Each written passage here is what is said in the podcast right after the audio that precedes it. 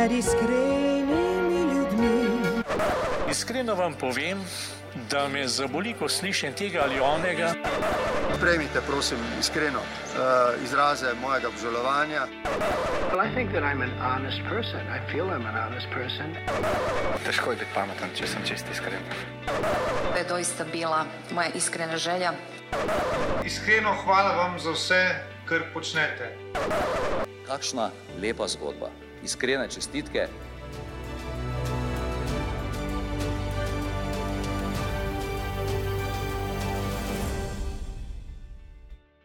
Spoštovane poslušalke in poslušalci, ponovno lepo pozdravljeni v novi epizodi najbolj iskrenega podcasta. Moje ime je Dušan Poslek in današnjo oddajo lahko začnem z eno tako skromno ugotovitvijo, s katero se boste verjetno strinjali, da je deset let lahko zelo dolga doba in v tem času se lahko marsikaj zgodi.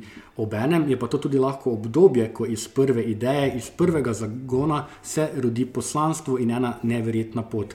In eno takšno pot, ene takšne poti se bomo skušali danes eh, malo dotakniti. Dotaknili se bomo delovanja zavoda Živim, zavoda, ki sicer letos praznuje 11. obletnico delovanja, ampak zaradi vseh eh, koronskih ukrepov bodo letos praznovali dejansko še lansko eh, deseto obletnico.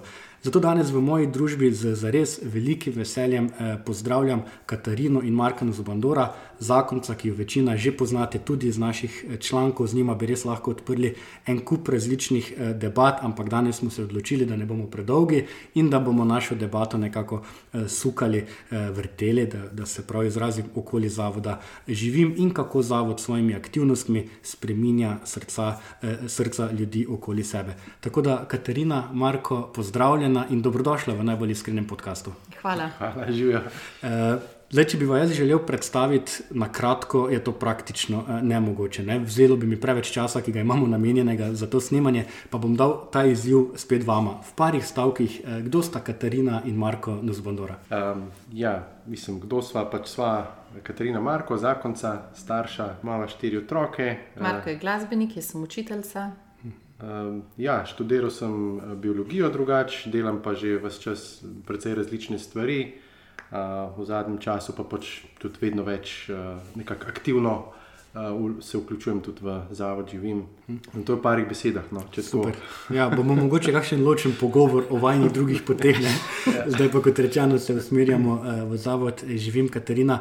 Um, deset let, kot sem rekel, je dolga doba, ne, -huh. oziroma da lahko rečemo enajst let, ko si se takrat podajala na to pot, za katero sama vedno znova praviš, da ni bila enostavna, da je bila mm. polna preizkušenj. Si si mogoče kdaj mislila ali pa predstavljena, da boš v letu 2022 prišla do točke, ko bo zavod živim imel praktično nove prostore, terapevtske prostore, ko boste na pragu urejanja tudi eh, nosečniškega centra v teh istih prostorih, torej da bo zavod prišel do ene točke, ko lahko mi, ki vas opazujemo zunaj, rečemo samo wow. Ne, v resnici ne. In pot od samega začetka je bila vse čas wow. Ko se je začel, recimo, če gledam nazaj, kako so mi na pot prihajali ljudje, ki so imeli ali informacije, ali um, so imeli čas, da so lahko dali podporo, um, so imeli ideje, in je v bistvu ta pot se pred mano razvijala po tistem, ki sem rekla, ok. Prišla sem v bistvu v tem času do spoznanja, da ko Bog kliče, je pomembno, da se ne začnemo ozirati na to, ali imam jaz čas za to, ali imam moči za to, ali imam znanje za to, ali imam finance za to, ker v tem primeru bi bil pol to moj načrt. Če je pa božji, bo pa on za vse to poskrbel. In dejansko se je v vsem tem času vse čas razvijal točno na tak način. Pač jaz sem vstopila in na pot so začeli prihajati ljudje in dogodki in stvari in povabila. In vsakič, ko se je karkoli zgodil, ali pa se še zgodi, lahko rečem sam, Wow. Pa, um, če se za trenutek vrnemo, ne, torej neko, nekako v obdobje izpred 11 let, kako se spominjaš tistega trenutka, tiste točke, ko si rekla, ta ne, sama ga omenjaš, zgodaj se grem po tej poti. Ne na zadnji, pustila si službo in si se podala na to vnaprej negotovo pot. Ja, uh, ta zgodaj se ni bil tako zelo romantičen, zgodil se je že prej, leta 2009, bolj je bil samo ok, pač bo, kje si mene za tole našel. Um, nisem bila tako zelo, um, kako bi rekla, duhovna, kot je zmogla biti Marija. No? ampak Bogu je bil ta ok dovolj in on je vzel ta ok zelo resno. No? In um, to je bilo 2009, poleti, in potem 2011, prav v takem času, kot smo zdaj, se je dejansko začela ta pot razvijati. Spomnim se, da sta bila dvojčka stara um, štiri mesece, ko sem s tem začela. In že en mesec kasneje sem bila povabljena pred uh, 1500 ljudi, da povem o tem poslanstvu. Kar hočem reči, od začetka se je razvijal na en tak čist nor način, ki si ga ne bi mogla niti zamisliti. Spomnim se, da moja ideja je bila, ne, da jaz bom imela pač službo, družino in to bom delala malo za zdravljenje.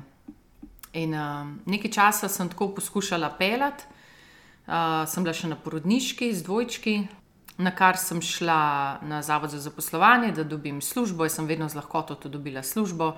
In prijem tja, in pač tisti gospod me je videl prvič, me ni poznal in tudi zadnjič, uh, tisti, ki bo tam zaposlen, ni bil niti z našega kraja, torej me ni poznal, ni vedel, kaj delam. In uh, mi je rekel, uh, kaj počnem. Sem rekel, da imam otroke, da imam en zavod in da bom imela še službo. In on me je pogledal in je rekel, veste kaj, otroci, služba in zavod ne bo šlo. Nekaj boste mogli uh, prekiniti, zdaj otrok ne morete, a ne odstraniti, zdaj se pa odločite, ali boste imeli zavod ali službo. In v tistem trenutku sem vedela, da mi je Jezus rekel: Pej za mano ali pa pej domov. Sam dve opcije imaš. In za me je bilo to zelo težko.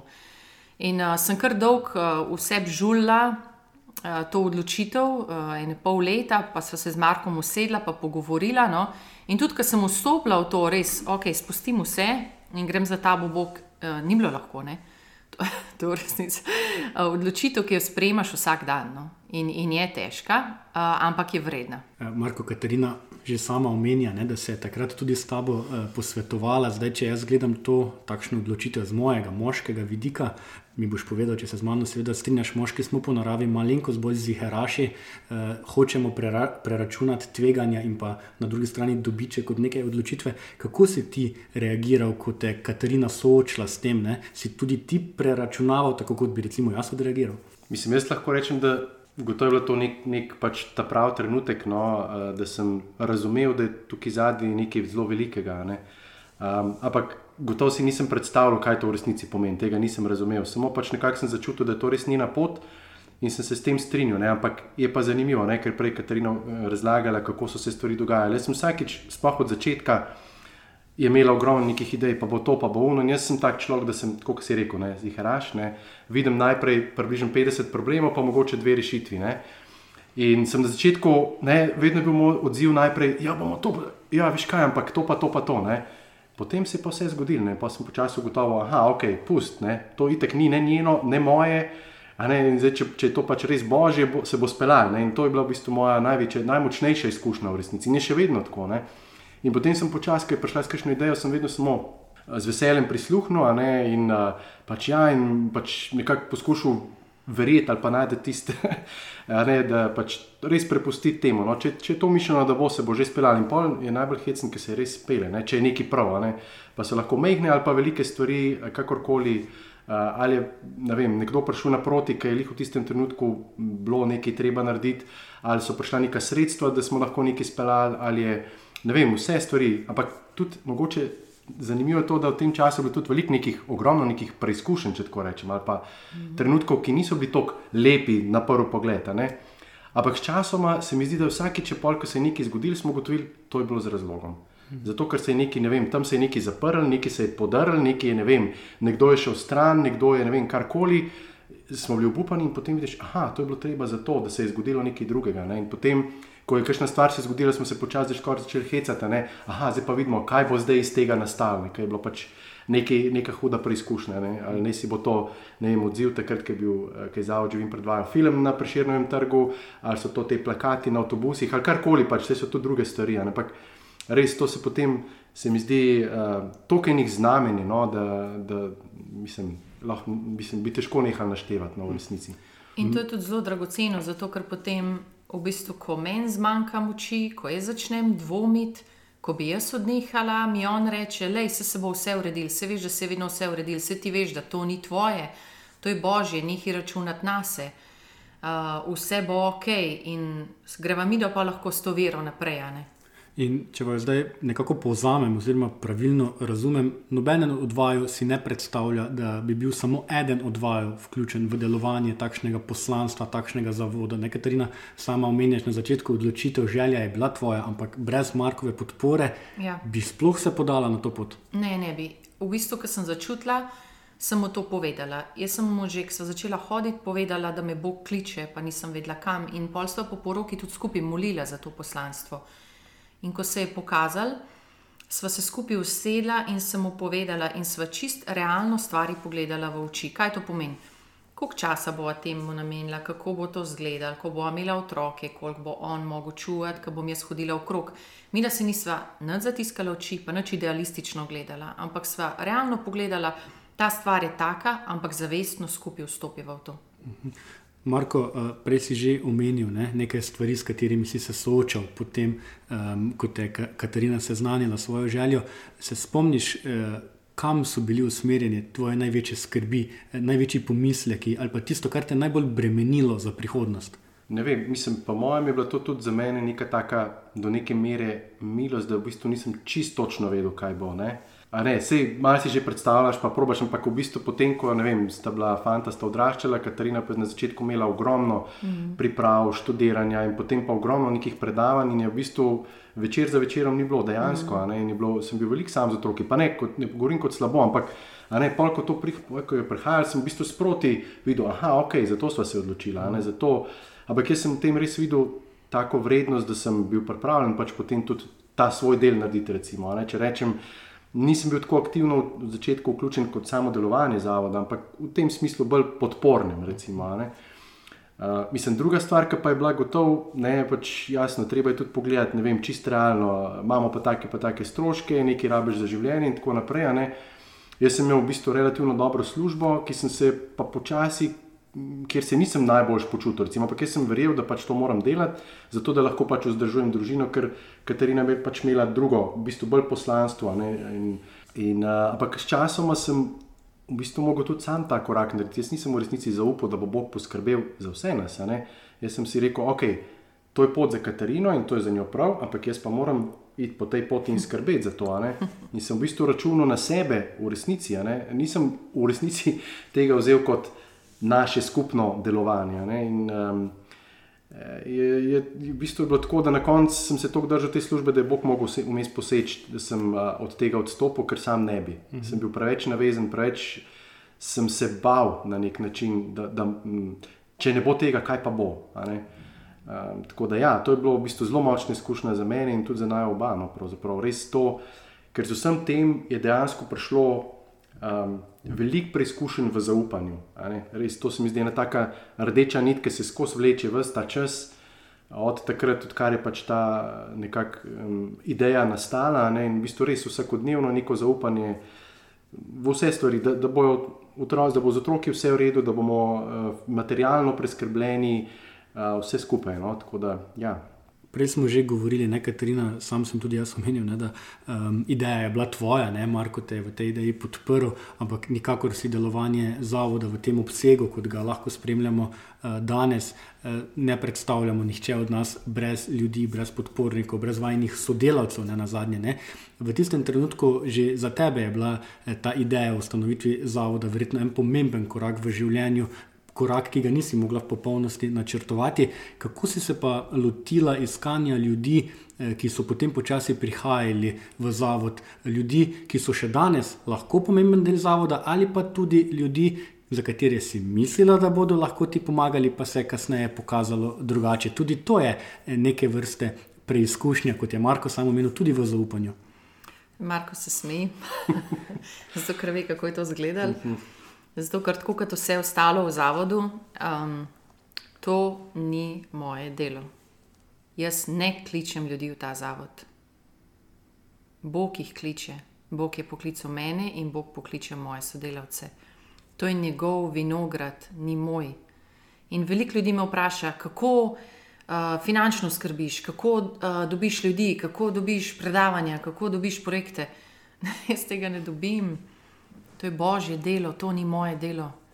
In velikrat so ljudje prišli k meni po napotke, ki so želeli sami nekaj ustanoviti, pa so pol kar nekako razočarani odšli, ker sem jim povedala, da to ne delam jaz.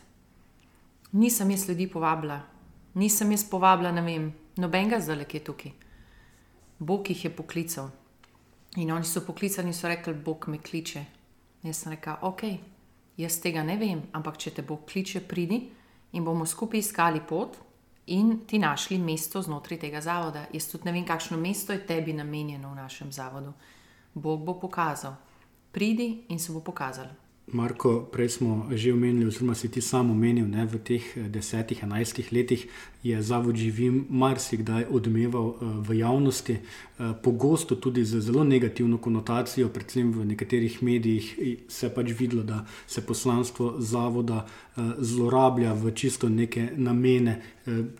Praktično se zlorablja delo zavoda. Spomnimo se samo, kot si samo omenil, predvajanje filma na Frančiškanski cerkvi ali pa odstranitev plakatov iz avtobusov Ljubljanskega potniškega prometa. To so pogosto neke preizkušnje, ki bi marsikomu rekli, da eh, ne splača se mi, ni vredno. Zakaj bi se še sploh trudil, ne? kako si se ti, že sam si prej omenil, ne? racionalist, ne? soočal uh, s temi zadevami? Mislim, čisti iskreno, ne? takrat, ko, ko je bilo ta um, predvajanje filma na Preširnem trgu, pa so se začeli te odzivi, jaz sem bil čisto navdušen. Jaz sem bil res prav navdušen. Sem, jaz sem Katarini rekel, super, lej, a veš, koliko je v bistvu nekega odziva, neke reklame na nek način. Ne? Uh, Za mi je tako, hecen je to, kar pač. Bog vse obrne v dobro, ne? hudič proba nekaj uničiti, ne? mm. ampak še tukaj mu ne gre, ne? še tukaj v bistvu lih obraten efekt doseže. Ker, yeah. Uh, mislim, takrat je bilo v bistvu medijska izpostavljenost zavod, v bistvu v tistem času smo mi razmišljali, kako bi zdaj zavod mal bolj, da bi mal ven bolj prišel da bi malo naredili neke reklame, pa smo začeli malo iskati neke ponudbe, pa vidiš, koliko je to enega denarja. Pa reči, ok, to ni šans, ne? neka druga pot mora biti, ne? in potem se to zgodi. In kar nekaj smo imeli tako medijsko izpostavljenost, ki, ki sploh ne bi mogli niti plačati, ne? sploh v medijih, ki nas nikoli ne bi hoteli oglaševati. Ne? In um, je bil to nek način, da je Bog pravzaprav naredil nek.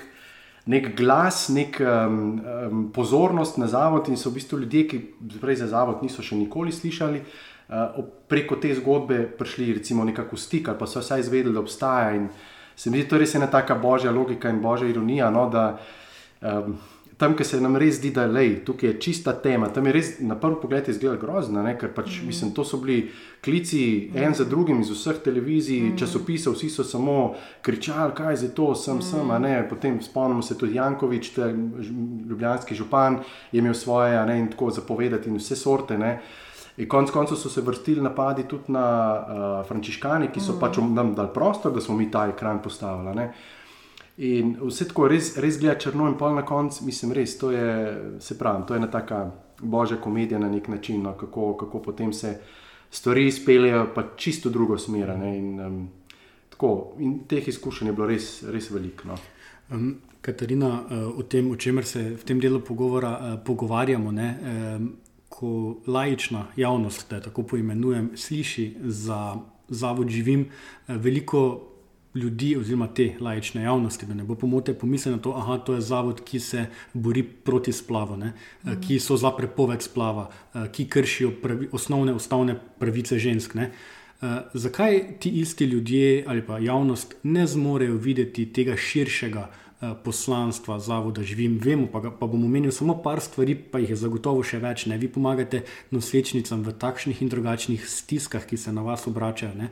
Pomagate v programu Preživim tistim, ki si ne morejo privoščiti osnovnih materialnih sredstev, plačevanja položnic in podobno. Ne? Eh, sedaj urejate tukaj nosečniški center, kamor se bodo lahko zatekle nosečnice v težavah. Ampak v javnosti, predvsem tisti zelo namerni, pa je izpostavljen samo tisti vidik, kjer, kjer skušate zaščititi uh, otroke, torej najšipkejše, od spočetja dalje?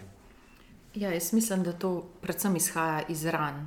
Um, ljudje reagiramo tam, kjer, kjer nas boli. In ko ti nekdo pritisne na rano, lahko eksplodiraš.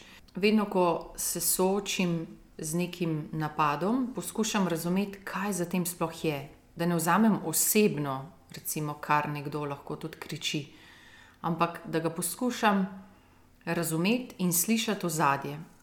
In večinoma je to ozadje neka bolečina. V Sloveniji je bilo več kot 700 tisoč splavov do zdaj. Za to številko stojijo realni ljudje. V Sloveniji nas je dobra dva milijona, to je ena tretjina našega naroda manjka. To je ogromna številka in tukaj je zelo veliko ljudi osebno upletenih v to zgodbo. In um, na koncu tudi ta laž, da je to v ustavo zapisano, kar ni. Ne? 55. člen ne govori o tem. Govori o tem, da država zagotavlja možnosti za sprijet otroka, ne proti otroku. In je to neka izkrivljena resnica. Jaz mislim, da ena stvar je, da smo ljudje zelo občutljivi na svoje podnarekovajih pravice, mm, po drugi strani pa velikrat to izhaja čez iz nekih osebnih travm in zgodb, ki še niso predelane. Se je pa že več, večkrat do zdaj zgodil, da je kakšna od teh oseb, ki je bila tako močno proti zavodu živim, potem, ker je videla, da nikjer drugje v resnici ne bo dobila pomoči po splavu, se vseeno obrnila na nas. In potem nas je spoznala in preko programov, ki jih tukaj nudimo, torej preko Rahelinga Vinograda, pogovorov, terapij, lahko sama sebi odpustila in zaživela svoje polno življenje, in pol tudi priznala, veš, kako sem bila jezna na vas, ste mi šli na živce in tako, ampak to samo zato, ker je mene bolel.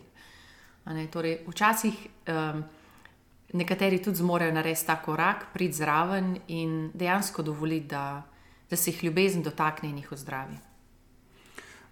Sama omenjaš, da se um, na zavod obračajo ljudje, posamezniki, moški in ženske, da ne bo dvoma ne, z takšnimi in drugačnimi uh, preizkušnjami, ampak tudi vidva ne, uh, sta bila v tem obdobju in še pred zavodom preizkušena. Praktično ta pot zavoda živim se je začela s preizkušnjo lahko, lahko omenimo, da vajen sin Žan se je pri devetih mesecih tik pred uh, porodom rodil mrtev. Um, kako je ta izkušnja, ta preizkušnja zaznamovala vajno pot, pa tudi pod zavoda živim?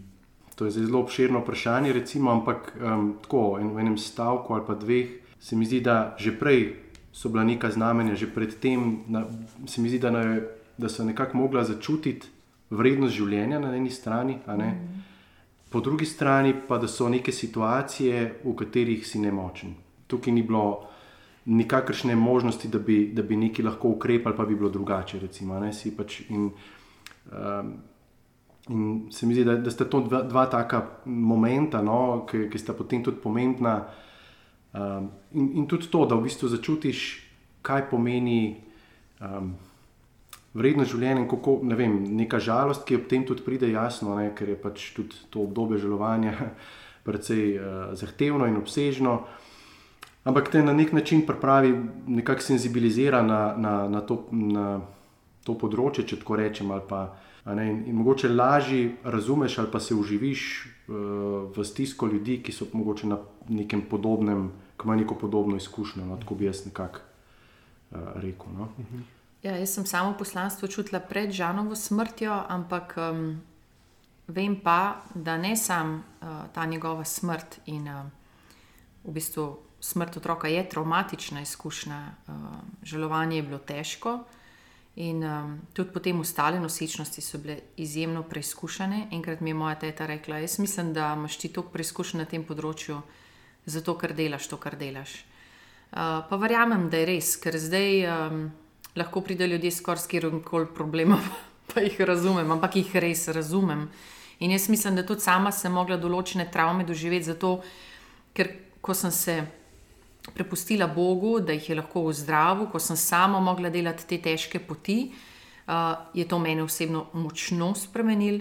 To, kar je rekel Marko, uh, da postaneš bolj sočuten, bolj čuteč, bolj um, odprt do drugih ljudi. In um, mislim, da je bilo to vse, kar se je zgodilo, ključno in da je vsaka preizkušnja dobra. Kako zdaj to vpliva, recimo, na me danes? Jaz lahko rečem, da žan je moj navdih vsak dan. Jaz um, ne želujem več na tak način, kot sem, ampak imam vedno ljubeč odnos z njim. On je moj sin, glih to, kot so ostali otroci moji. Um, in uh, jaz čutim njegovo prisotnost in me vedno spremlja, in mi je vedno v navdih uh, pri vsem, kar delam. No. Mogoče bi sam dodal še to, no? ne, ker um, takrat ena zelo močna izkušnja za me, pa se mi za oba je bila to, da Žan, recimo, v bistvu ga noben ni srečal, on je pač živel teh devet mesecev v Katarini in potem ga v bistvu ni bilo več. Ne. Ampak kljub temu je v bistvu upravil svoje, svoj načrt na nek način. Ja. Ne. In um, tudi razumeš, da potem vsako, mogoče vsako. Vsak človek ima neko mesto, ne, ne glede na to, da je nekdo ne vem, gradi stolpnice ali pa nekdo nekaj čisti ali karkoli. Vsak je v bistvu vreden. No. Tukaj se mi je še ena taka lekcija. Ne. Potem lažje, recimo, vem, ker velikokrat ljudi ocenjujemo po tem, kaj so dosegli, koliko so sposobni, kaj vse naredijo. Ali pa po čemer koli že pač jih občudujemo. In v bistvu tukaj ugotoviš, da to sploh ni pomembno. To so sicer neke zunanje stvari. Lahko si vem, tudi vesel, da si nekaj dosegel, ampak človek, vrednost človeka je druge. Mislim, da je tukaj potem tudi, ko se z vsemi različnimi ljudmi srečujemo, s takimi in drugačnimi, s prepričanji takimi in drugačnimi, ga lažje mogoče sprejemaš, pa vidiš kot človeka zato ker verjamem, da pač ima vsak neko svoje mesto in poslanstvo in načrt. No. Po Žanu, ne, ki smo ga eh, sedaj omenjali, eh, so se vam rodili tri otroci, ne, torej, eh, najprej dvojčka, potem še eh, punčka, tako da imata eh, štiri otroke, vedno to tudi z veseljem poveste, odkar se eh, mi poznamo. Smo pa v zadnjem času eh, tudi mi med sabo ne, debatirali o tem, da bodo tudi oni slejko prej, oziroma zdaj prišli v to starostno obdobje, ko bodo spoznavali tudi vajno delovanje, ne, tudi delovanje eh, zavoda živim, ne, ne na zadnje bodo slejko prej naleteli tudi na kakšen odpor ali pa tudi na, na kakšne pripombe proti zavodu, proti vama, kako se soočata s tem, oziroma imata kakšno. Um, Ne bom rekel toliko strah, ne, ker ste rekli, da morate zaupati v pot, ne, ampak vseeno nekakšno nelagodje pa verjetno obstaja. Kako se ga lotite? Ja, ne vem, jaz razmišljam tako, da tako kot nam pridejo preizkušnje na pot, pa se moramo odločiti za Kristusa, tako se bodo tudi oni mogli v svojem življenju. In to bojo lahko nasprotovanja, to bojo lahko zafrkavanja, to doživimo čisto vsi kristijani, ker pač to nam je bilo obljubljeno. Jezus ni rekel, da nas bojo imeli vsi radi, ampak je rekel, da nas bojo vsi sovražili. Pika. In pač tudi naše otroke bojo. Jaz mislim, da ključno pri tem je, da oni imajo varen prostor doma, kjer to lahko povejo, kjer so razumljeni, kjer so sprejeti, kjer so slišani, mm, da se o teh stvarih lahko pogovarjamo. In se mi zdi, da več od tega pa pač pa, pa predamo Jezusu. Vseh že zdaj učiva da svoje strahove in svoje karkoli težkega se jim zgodi, da predajo Jezusu. In jih bova tudi takrat tako naprej. Največ, kar je, jih lahko opremva za to pot. Zdaj, če si, ne vem, nekako sem razumel iz tega, misliš, da prav področje, s katerim se zavod živim, ukvarja, recimo, um, pač tukaj je pač počasi nekako poskušal presoditi, kaj, kaj je za njih primerno. Oni, itak, otroci so zelo občutljivi in neke stvari razumejo, tudi če čist z besedami ne izraziš in razumejo, da se nekaj tukaj dogaja. Ampak mislim, že veliko so poskušali pač res tako, njim primer, na njim primeren način povedati, kaj sploh delamo. Ker v bistvu odkar so se rodili, pravzaprav Katarina ima zavod, se pravi nekam hod, nekaj dela. Ne? In um, uh, pač jim poskušava na njim primeren način približati to delo, um, kaj, kaj sploh v bistvu, kako, kaj sploh delo zavoda živim no, v resnici. No? Tako da Zanimivo tukaj je, da recimo oni že od majhnega so vedno rekli, a ti gre v službo, mami ti pa nimaš službo, ti imaš pa zavod. Ne? Že od majhnega so čutili, da je to nekaj drugačne, da je to poslanstvo in da to ni isto, kot Atika ima službo. Um, sama uh, si umenila, ne, pa tudi Marko, prej, ko si omenil, kako je potekalo uh, tista prva leta tvojega, uh, tvojih aktivnosti v zavodu, um, da si bila na začetku za večino stvari sama, ne, torej uh, ukvarjala si se vsem, ne, od organiziranja, izobraževanja, ja. vsebin in ja. podobno. Uh, Potem pa si na eni točki vseeno ne spoznala, da določene stvari boš morala predati z rok, pred leti si direktorsko mesto, znotraj zavoda predala eh, Dari Pečnik, ki je še vedno direktorica tega zavoda. Kaj je za tebe pomenila ta točka predaje enega takega, ne samo položaja, tudi odgovornosti v samem zavodu? Je bilo to breme, si imela občutek, da se moraš nečesa odreči, ali je bilo na drugi strani mogoče olajšanje? Jaz sem uh, veliko let molila, da bi prišel nekdo, ki bi prevzel to mesto. Meni je bilo težko to dati. Uh, še enkrat bom rekla, to je božje delo, to ni moje. Če bi jaz danes začutila, da je čas, da zapustim zavod, živim, se obrnem, odkorakam in niti ne pogledam nazaj. Jaz nimam problema s tem, ker to ni moje in to že skozi vem. In um, jaz sem ful molila in prosila in se kregala z Bogom, predvsej tako aktivno, uh, da mi nekoga pošle. Um, in sem bila zelo vesela, ker je Darijo poslal na eni točki da sem lahko to predala. In takrat je bilo tako zanimivo, ker um, Jaz sem zelo močno začutila, ker kot direktorica sem imela ogromno enih teh čist menedžerskih poslov, če tako rečem, ne? pa maili, pa telefoni, pa organizacija, pa to in to vzame ogromno časa in energije. Jaz sem pa čutila, da me Bog kliče bolj nazaj k mojemu prvotnemu poslanstvu. Moje prvotno poslanstvo je bilo pa pomoč osebam, ki trpijo zaradi izkušnje splava. In jaz sem močno čutila, da me Bog kliče. In sem to Marko to rekla. In takrat sem tudi bila povabljena v Rahel in Vinograd. In je Marko rekel: ni šans, ne? ker ne moreš poleg zavoda delati še to, ker pač nimaš ne časa, ne moči. Tako da je kar nekaj časa trajalo, da sem se odločila, da sem šla na Rahel in Vinograd. Uh, nekaj zapletov je bilo tukaj okrog, no, uh, kar je vse podaljšalo mojo pot na prvi Rahelin. Um, ampak kar sem v polni točki rekla, je bilo, če Bog želi, da jaz v to vstopim, mi bo nekaj oduzel. In točno to se je zgodilo. Prišla je Darja, prevzela je direktorsko mesto in jaz sem lahko obiskala svoj prvi Rahelin Vinograd, torej te duhovne vaje. Takoj zatem sem dobila povabilo iz ZDA na izobraževanje za osebe, ki pomagajo tistim po splavu. In so mi pisali mail, vem, da se vi ukvarjate z vsem drugim, ampak a bi tebe mogoče zanimalo, da prejš na to izobraževanje? Mislim, čakajmo, ti še ne veš, da je mene Bog že poklical v to in mi pošleš vabilo na konkretno, točno to izobraževanje in še zraven, plačamo vse stroške, ali vas zanima, da pridete. Wow, ok. Do zdaj še nikogar nismo vabili iz Evrope na tako izobraževanje, ampak bi vi prišli.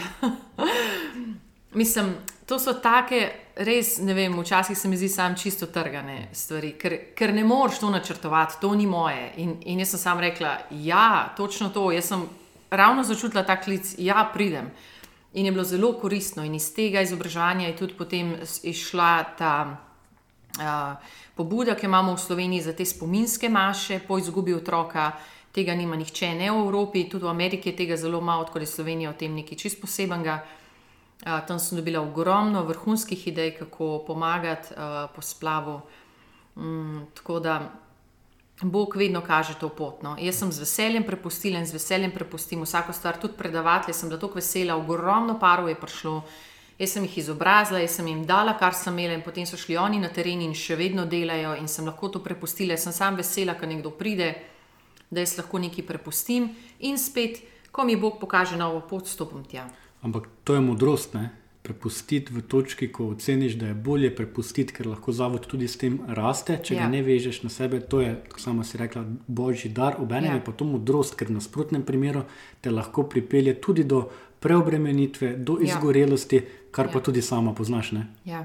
ja, je bila naporna pot, je bilo veliko vsega, je bilo pa tudi um, uh, za me, kljub temu, da pri Žanovi smrti. Uh, nisem realno nosila neke odgovornosti, sem kot mama čutila neko, nek, nek občutek krivde in ta je bil en izmed tistih, ki me je preveč gnal in me tudi pripeljal do sem. In zato, eh, ne glede na to, da nisem imela izkušnje umetnega splava, jaz sem rabila uh, Rahel in Vinograd, ker je tam Jezus se lahko dotaknil te moje rane in jo zdravil, in sem od takrat naprej lahko veliko bolj svobodno zadihala. Za me je od Tako kot je bila Žanova smrt prelomnica, je bil potem moj prvi Rahel in Vinograd prelomnica. Torej, od takrat naprej sem lahko spet drugače zadihala kot prej.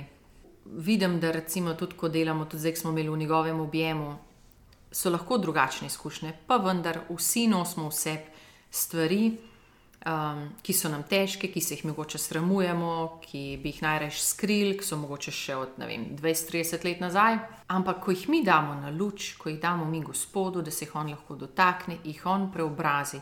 In dokler jih ne, misliš, da to ni možno. Ampak, ko se jih dotakne, potem je vse drugače. In zato je res to ključno priti pred Gospoda in mu to dati, sploh znotraj neke skupnosti in varnega prostora. Toliko, da samo mogoče na kratko uh, pojasnim našim poslušalcem. Katarina govori o dveh programih, torej o Rahelinem vinogradu, uh, duhovnih vajah, namenjenim uh, osebam, ki imajo izkušnjo uh, umetnega splava, in pa na drugi strani uh, duhovne vaje v njegovem objemu, ki pa so namenjene osebam z izgubo otroka, ne? tako um, spontanega splava, kot kakršnokoli uh, drugo izgubo otroka. O, o obeh teh programih si lahko preberete tudi na spletni strani uh, Zavoda Živim in oba oziroma na, splet, na posameznih spletnih straneh uh, programov, ne, tako Rahel in Vinograd, kot v njegovem imenu, ima sta lastno spletno uh, stran, obenem je pa Katarina lahko kontakt tudi v primeru podajanja drugih informacij v zvezi uh, s tem, samo toliko, da bo, da bo jasno. Um, Marko, v zavod živim, v delovanje zavoda, sta v zadnjih letih vključena oba. To tudi ob enem pomeni, sam si omenil, to ni služba, ne? od 8 do 4, eh, to je poslanstvo, tu se praktično delo tako rekoč nikoli mm. ne konča. Ne Res moreš je. reči, ob 4 je konec, pa imam pauzo, pa imam vikend in podobno. Um, veliko je različnih idej, projektov, ciljev, vedno znova se nekaj na zavodu rojeva. Mm -hmm. Pa vam kdaj uspe kot zakoncema popolnoma odklopiti, da si rečete, ne, zdaj pa v tem trenutku, ja, je pomembno, da zavodi deluje, da imamo načrte, ampak pomembna sva tudi mi dva, mi dva si moramo vzeti sedaj eh, čas za sebe. Ne? Ali vam to mogoče celo predstavlja breme, da sta oba vključena v zavod? Um, ne, to sploh ne. To, to drugo vprašanje, absolutno lahko rečem, da ne. Mislim, sem zelo vesel, da lahko skupaj sodelujeva, da v bistvu ogromno časa skupaj preživiva, čeprav veliko delava tudi vsak svoje stvari. Ampak to, kar si pa na začetku načel, je pa pravzaprav tudi prišlo skozi neko eh, izkušnjo. No? Tudi na nek način preizkušnjo, težko izkušnjo uh, tega, da ne sploh uh, Katarina na začetku res, ker je bila pač zelo velika sama za vse, vse imela prostovoljce, pa tudi druge ljudi, ampak glavnina je bila pa vsem. A ne tukaj je bil nek center stičišče vseh informacij, vsega organiziranja in, in je v bistvu tako, kot si rekel, ne tukaj dela nikoli ni konec. Mm. Ampak to je res na nek način modrost, da rečeš, ok, prvič, ne, sej, uh, rečeš, ok, to ni moje, ne, Eh, se pravi, nisem jaz odgovoren za vse to. Če jaz ne vem, ob neki določeni uri začutim, da pa jaz rabim počitek, si ga lahko vzameš brez slabe vesti. Ampak tudi to moraš nekako priti do tega, no? ker, um, pa, ker potrebe so, potrebe so velike. Eh, ljudi, ki trpijo, je veliko, eh, programov, idej, načrtov je ogromno. Um, tako da je res v bistvu tukaj neka, skoraj neka disciplina na koncu koncev potrebna, ja. da rečeš, ok, ob tej uri, zdaj se pa ne bom več javil na telefon, ali pa ne bom pogledal več maila, ali pa ne vem, nekaj, ne pač kakorkoli že, moš najti nek okvir, ker drugače to lahko preraste, izčrpa in, in v bistvu nimaš več od tega, ne ti, ne tisti, katerim ne, služiš na nek način. Ne? Tako da, ja, to, to je bila pot, to ni bila odločitev z danes na jutri, ampak mm. je bila mhm. pot in um, izkušnja, ugotovitev. Um, res, pa, res pa sem hvaležen. No? Jaz sem pač v vseh teh letih, kar za avto obstaja, uh, bil tako redno zaposlen, kot zdaj sem nekaj časa samostojni podjetnik, uh, pa imam mogoče več, a ne sem bolj vključen v zavod. Um, ampak je res to obdobje, mislim, nam se mi zdi zelo ustredno. No? Um, da pač nekako imamo nek svoj urnik, no, ki se ga lahko do neke mere prilagodimo. Um, ja, je pa potrebna neka določena disciplina, ne, da pač um, stvari potem speljemo. Zdaj, še ena stvar, ki je pa v bistvu zelo pomembna, se mi zdi tudi izkušnja, prišla iz tega, kar sem malo omenil. No, um, da nekako se mi zdi, da oba dva vedno bolj razumeva ali pa res čutiva, da to pač, čeprav je Katarina to že skozi čuti, da to ni njena stvar, ampak tudi to delo, ki ga delamo naredimo seveda svoj del, naredimo kar se da, naredimo kar, je, kar čutimo, da je potrebno, veliko vlagamo in v hišo, in v programe, in v ljudi, in v to, da smo mi povezani kot, kot ekipa, kot skupnost. Ampak ne, eh, zavedanje, da v bistvu nas vse to presega in da v bistvu edini, ki lahko pride res do konca, je pač ta, ki nas je sem skupaj pripeljal in postavil in nam dal to željo. In to ti potem pomaga, da, da lahko rečeš, ok, zdaj pa res rabim počitek, če je to zdaj pol ure ali pa en dan, ali pa ne vem, če je bil vikend poln, pa si dva dni vzamemo, pa je takrat ni nikogar, ne? v tem smislu pač dela. Ne? Ampak se pravi, to je, to je neka pot, uh, neka izkušnja, ki jo pač moraš do, do česa potem prideš počasi no? in te tudi prepele. Evo, da se v teh zadnjih minutah našega pogovora mogoče usmerimo tudi na to, kar je bil povod našega pogovora, torej praznovanje ene tako okrogle obletnice, ne, torej desetletnice delovanja eh, Zavoda Živim, ki je bil sicer uradno leta 2021, ampak zaradi COVID ukrepov in vseh omejitev lani praznovanje ni bilo eh, mogoče. Tudi sedaj, ko snemamo ta pogovor, ne sedimo v tej, lahko še rečemo, novih prostorih eh, Zavoda Živim v hiši, na katero se vam že po obrazih vsem, vseh, ki vas srečujejo, srečujem tukaj v zavodu, vidim, da ste zelo ponosni, da imate ogromne načrte z njo. Pa da ne bom jaz preveč govoril najprej o teh načrtih. Ne. kam pluje zavod živim, kje so tisti eh, cilji, želje, kam želite iti, oziroma tudi s temi novimi prostori, kaj želite doseči. Ne? Katarina, ti večkrat sama praviš, eh, niso dovolj prostori, niso dovolj stene, ne? pomembno je nekaj drugega. Ne? Ja, eh, kam plujemo, točno ve Bog. Ne? Vsak dan je novo presenečenje, uh, teh presenečenj je res veliko. Um, ampak mi, mi smo imeli neke sanje, mi smo imeli vizijo, da bomo postali nek center za nosečnice, uh, kamor bodo lahko ljudje uh, se zatekali s kakršnimi koli željami in potrebami. In uh, se nam to pred našimi očmi nekako uresničuje. Začel se je, ko smo lansko leto dobili povabilo, da sprejmemo to hišo, da jo uporabimo uh, in uh, res ponuja veliko možnosti.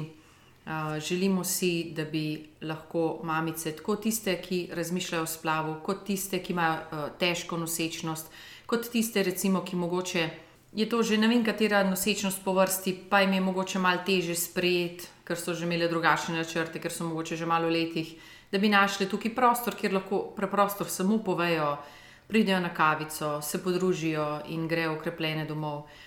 Kot tiste osebe, ki so otroka izgubile na kakršen koli način, seveda, gotovo najprej uh, v splavu, ampak tudi vse druge izgube, da bi bili tukaj, da bi bil en prostor, kamor se ljudje lahko zatečejo, kjer najdejo mir. Uh, in smo zelo hvaležni tudi, da bomo imeli tukaj v tem prostoru, v tej hiši, kapelo, kamor se pa mi zatečemo, kamor se gremo mi pogovoriti s šefom, preden se dan začne. da nas pomiri, da nas usmeri, um, da se potem ne ukvarjamo s stvarmi, s katerimi se ni potrebno ukvarjati, ali pa ni dobro, da se ukvarjamo, zato ker hudi duha ne, nam tako postavijo veliko stvari, ki so dobre, ampak uh, niso ta prave za nas. In mi moramo razločevati, kaj je mišljeno, da res naredimo, in kaj ni mišljeno, da naredimo. Ne. Bom citirala Kjaro Ljubi, ki je rekla: uh, Zlo je dobro, ki ga Bog noče. Ni vsaka stvar, ki je dobra, mišljena, da jo jaz spelem. Lahko je čudovita stvar, recimo vsakeč, ko hočem na počitnice, uh, dobim ogromno klicev mamic, ki razmišljajo o splavu, ki so jih razgubile otroka in tako naprej. Kar bi me lahko potegnilo ven iz tega, da se spakiram, pa končno spravim na počitnice. Ne? Da v tistem trenutku znam to osebo usmeriti ali na terapeutko ali na nekoga drugega, ki bo te osebi pomagal, hkrati pa meni da dovoljenje, da jaz vse en spakiram in se odpeljem. Kar hočem reči, je, Bog nas vodi, On nam kaže, tako kot je Marko rekel, mi rabimo pa tisto disciplino in predajanje. Uh, on pa res tako jasno kaže, kaj želi, no? nam da že vnaprej neko vizijo, neko idejo, um, potem pa tudi on kliče. On kliče ljudi uh, za doniranje ali stvari, ali prostorov, ali denarja, ali časa, ali pa da postanejo naši sodelavci. Eh, sedaj eh, smo tik pred eh, praznovanjem, ne? torej to praznovanje se bo odvilo v petek, 25. marca ob 18. Ob 18. uri tukaj na Potočnikovi 8 v ja. Ljubljani. Marko, ti si glasbenik, ustvarjalec, nedolgo nazaj, še vedno lahko rečemo, si izdal tudi samostojno zgoščenko. Pa povej ti mogoče kaj, kakšno besedo o tem praznovanju, kaj se načrtuje, kdo je povabljen, oziroma celo kaj želite najbolj sporočiti s tem praznovanjem. Mislim, nekako praznovanje smo si res zamislili kot nek, bom rekel, utrinek ali pa en tak, eh, kako bi rekel, rdečo nit vsega tega desetletnega delovanja, se pravi na en kratek, prijeten način, ali pa prijeten, mislim, tako pač povezan z glasbo, ne, eh, prikazati nekakšne zgodbe, ki so se nas dotaknile skozi, skozi, ta, skozi ta čas, no, nekako na ta način ljudje. Tako da bodo pač tukaj prisotni ljudje, ki so prišli z nami v stik, ki imajo kakšne svoje izkušnje na kratko bomo predstavili, kaj se je vse dogajalo v zavodu, uh, potem bo seveda tudi nekaj glasbe, uh, možno si bo ogledati prostore uh, zavoda, ne, ki bojo pač zdaj v bistvu na novo nekako odprti. Ne vem, sem še kaj pozabil, v bistvu predvsem v glavnem to. No. Predvsem si želimo, da ljudje, ki nas spremljajo že vse čas in tudi tisti, ki nas mogoče še ne poznajo, da je to neka prilika, da pridejo. Ne bo nič tako formalno, res je odprto za vse. Um, da, da pridejo, da se z nami pogovorijo, da vidijo, kje smo, da nas povprašajo, kar jih zanima. Um, ne vem, mogoče najdejo kakšen navdih, imajo kakšno idejo, um, gotovijo, da bi radi kaj sodelovali, ali pa pač enostavno se z nami po, poveseliti in nekako uh, praznovati, če tako rečem, nek tak jubilej, neko veliko zgodbo, ki jo pele pač ne Bog. ne, Ko smo se sprašvali, kaj bi, smo rekli, najbolj, da govorijo tisti, Mm. ki so prišli z nami v stik. Tako Mm. da v bistvu bojo zgodbe um, teh ljudi, ki so prišli, ki so tukaj najdel neko zatočišče in bojo oni povedali, kaj je bilo to za njih. In vsi tisti, ki želite priti v stik z Zavodom Živim, poiščite jih na Potočnikovi 8 v Ljubljani in iz, ose iz osebnih izkušenj lahko rečem, tukaj so vrata res vedno odprta, vedno Mm. smo vsi dobrodošli, ki se v eh, vašem zavodu, v vaših prostorih oglasimo, počutimo se ne na zadnje kot, kot doma tukaj, tako da vam res, vama in celotni ekipi eh, Zavoda Živim, eh, želim najprej še uspešno pripravo tega vašega praznovanja, nekaj dni nas vendarle še loči ne, do tega dne, eh, potem pa predvsem naj bo blagoslovljeno delo zavoda eh, tudi naprej, ne tudi blagoslov teh prostorov, kot sta sama omenila, bo v sklopu tega eh, praznovanja. Evo, takole za konec v letošnji sezoni našega podcasta smo se odločili, da našim sogovornikom za konec damo čisto kratka tri vprašanja, ne rabita biti nič kaj široka, ampak ne bomo s tem probali povzeti ta naš današnji pogovor. In moje prvo vprašanje, tako za vaju, je čisto osnovno, um, na kaj sta v življenju najbolj ponosna? Mislim, ne vem, mogoče čist prva stvar, ki mi pride na misel, je to, da vsakeč sem vesel, kadar uspem zaupati kljub neki težki preizkušnji. Recimo, no. Recimo, da je taka. Jaz bi isto rekla. Ja. Super. Mm. Um, drugo vprašanje. Um, veliko smo danes govorili um, o družini, ne, uh, pomenu družine. Um, če bi morala dati en kratek um, pomen, opis, kaj vama pomeni družina, ob vsem, kar imate v življenju, kaj je pa družina, ki, kakšno mesto uh, zaseda v vajnem vsakdanu. Opora, navdih pa sreča. Ja, um, neka skupnost, um, kjer v bistvu gradimo odnose za vem, lepe odnose, recimo tako. No. In na koncu um, zavoda živim, zagotovo uh, ne bi bilo brez zaupanja. Ne? Uh, zaupanje je povezano z vero. Um, kaj vama v vsakdanjem življenju pomeni vera? Ampak jaz vedno pravim sogovornikom v tistem najširšem uh, pomenu same besede. Vse. Ja, vera je, pač, je način življenja, je način soočanja s stvarmi, Mhm. a, gledanja na stvari, a, postavlja neki vrednotni sistem. Ja, v Prijateljstva, bistvu, odnose, ja. vse. Vse je v bistvu nekako s tem povezano, ja, res. Odlično. Evo, eh, Marko in Katarina, še enkrat iskrena hvala za vse vajne, za res eh, iskrene odgovore. Tudi tam, ko smo se dotaknili preizkušenj, eh, se vam zahvaljujem, da ste odprla svoje srca, da ste delila svoje poglede tudi z mano in z našimi eh, poslušalci. Še enkrat iskrene čestitke za prehojenih 10 oziroma 11 let, ne, tako vama kot eh, celotnemu eh, zavodu eh, živim. Eh, na začetku sem omenil, da je veliko različnih eh, debat, ki bi jih lahko z vama odprli. Ne? Katarina, ti si vmes omenila tako Rahel in Vinograd, eh, kot tudi duhovne vaje v njegovem objemu. To so oboje področja, ki Hmm. terjajo lahko svoj podcast, tako da verjamem, da se bomo v prihodnosti še kdaj slišali tudi na kakšno drugo temo. Tokrat pa bodi dovolj. Eh, Hvala vam, hvala vam tudi za zgled, eh, zaupanja in predanosti, čeprav vemo, da ni vedno lahko, pa ga vidva vseeno tudi na svojih obrazih, vedno znova žarita to ven.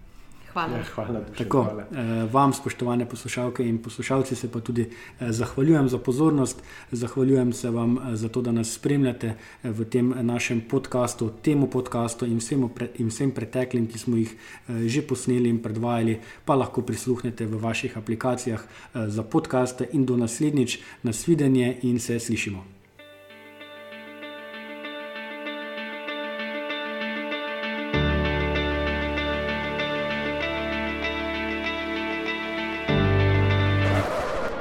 Iskrenimi ljudmi. Iskreno vam povem, da me zaboli, ko slišim tega ali onega. Sprejmite, prosim, iskreno uh, izraze mojega obžalovanja. Well, I think that I'm an honest person. I feel I'm an honest person. Težko je biti pameten, če sem čest iskren. To je doista bila moja iskrena želja. Iskreno hvala vam za vse, kar počnete. Kakšna lepa zgodba. Iskrene čestitke.